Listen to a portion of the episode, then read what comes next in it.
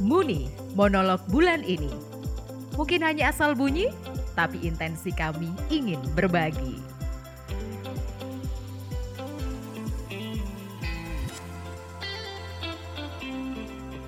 Pengalaman tentang Bunda Maria ya eh, sangat berkesan.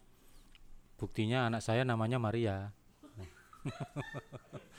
Anda semua belum punya anak kan?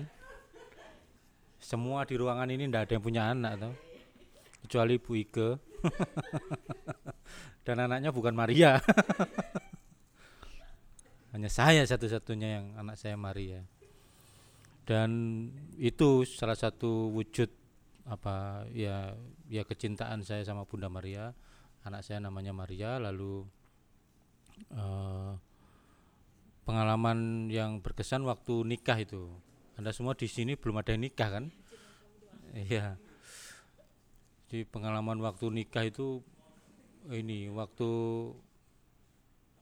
yang selesai apa berkat penutup lalu mempelai berdoa di depan patung Bunda Maria itu saya nangis karena ya merasa apa eh, berdoa kepada ibu saya sendiri.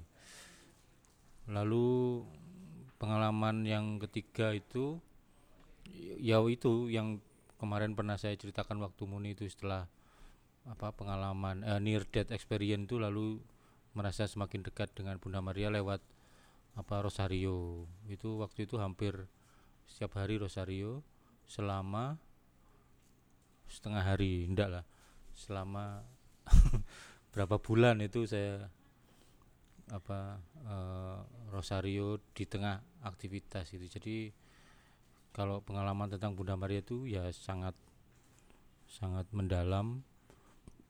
Tapi belum sampai ke devosi khusus terhadap Bunda Maria ya. mudah-mudahan sampai bisa ke situ ya sampai ke bisa devosi ke Bunda Maria. Dan kalau bisa sampai jadi Legio Maria.